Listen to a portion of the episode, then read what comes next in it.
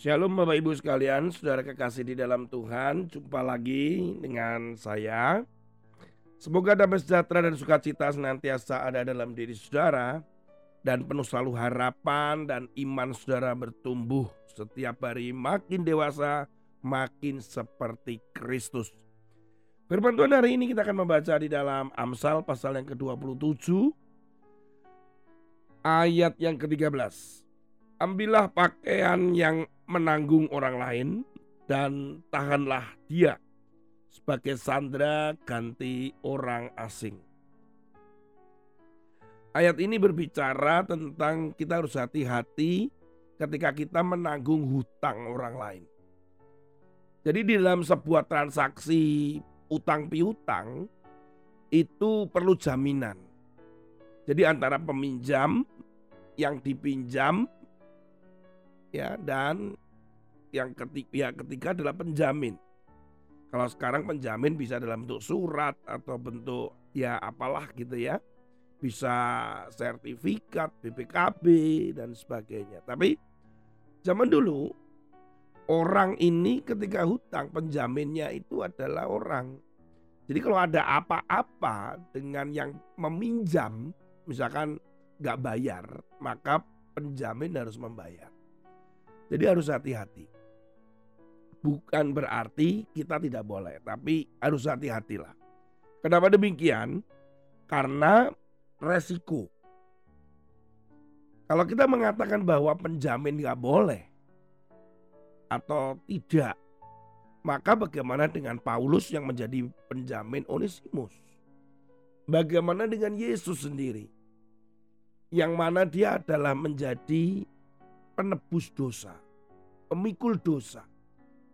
Dia yang menjadi jaminan. Sehingga dia yang bayar semua dosa kita. Yang harusnya kita terkutuk, kita harusnya tidak bisa diselamatkan. Yesus menjaminkan dirinya sehingga mati di atas kayu salib.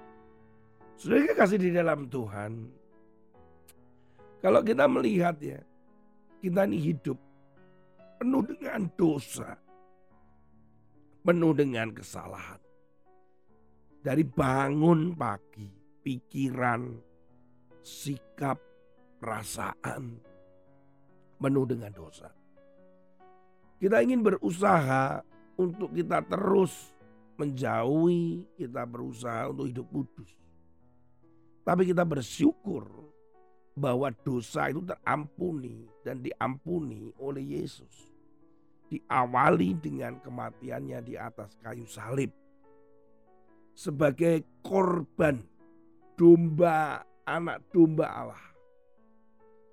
Saudara kekasih di dalam Tuhan berbeda dengan keyakinan yang lain.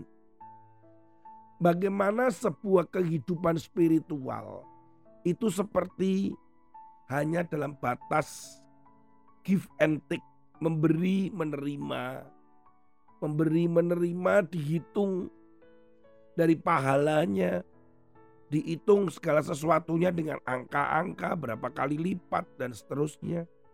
Semuanya terbatas pada hitung demi menghitung secara logika.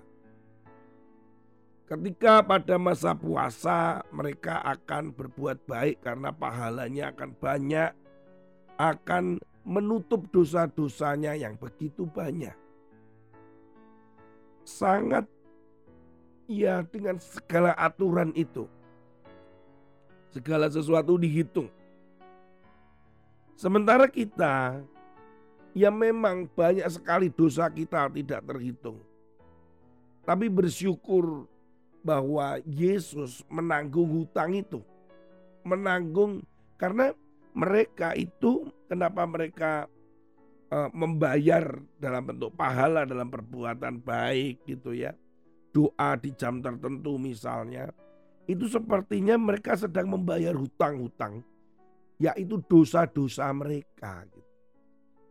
Jadi kalau saya dosa satu, saya ada pahala satu impas. Dosa saya lima, saya pahalanya lebih gede. Doa di jam tertentu berbuat baik, memberikan persembahan dalam bentuk uang. atau ketika berpuasa. Saudara macam-macam cara mereka. Tapi itu seperti memang dia membayar hutang karena hutangnya gede dari dosa-dosa mereka. Sementara kita yang ada dalam kasih karunia dan anugerah ini sering kali ketika Yesus yang sudah menanggung dosa itu di atas kayu salib, hidup kita main-main. Hidup kita ini sembrono sekali. Kita ini hidup dalam kasih karunia bukan berarti kita di dalam kasih karunia itu kita dengan bebas berbuat dan melakukan dosa kan. Malah sebaliknya, kita ini semakin mengerti tentang kasih karunia itu, maka kita akan hidup kudus. Kita hidup gak main-main, melakukan firman Tuhan. Saudara yang kasih dalam Tuhan, coba renungkan. Siapa penjamin hidup saudara? Yesus. Sementara kita hidup main-main dan sembrono. Come on, ayo. Belajar terus untuk hidup kudus menyenangkan hati Tuhan. Jangan mengecewakan dan membuat Tuhan itu sedih atas perbuatan kita, atas tindakan kita. Tuhan Yesus memberkati, kita bersyukur bahwa Tuhan Yesuslah penjamin hidup kita. Amin. Karena kita dia menderita Karena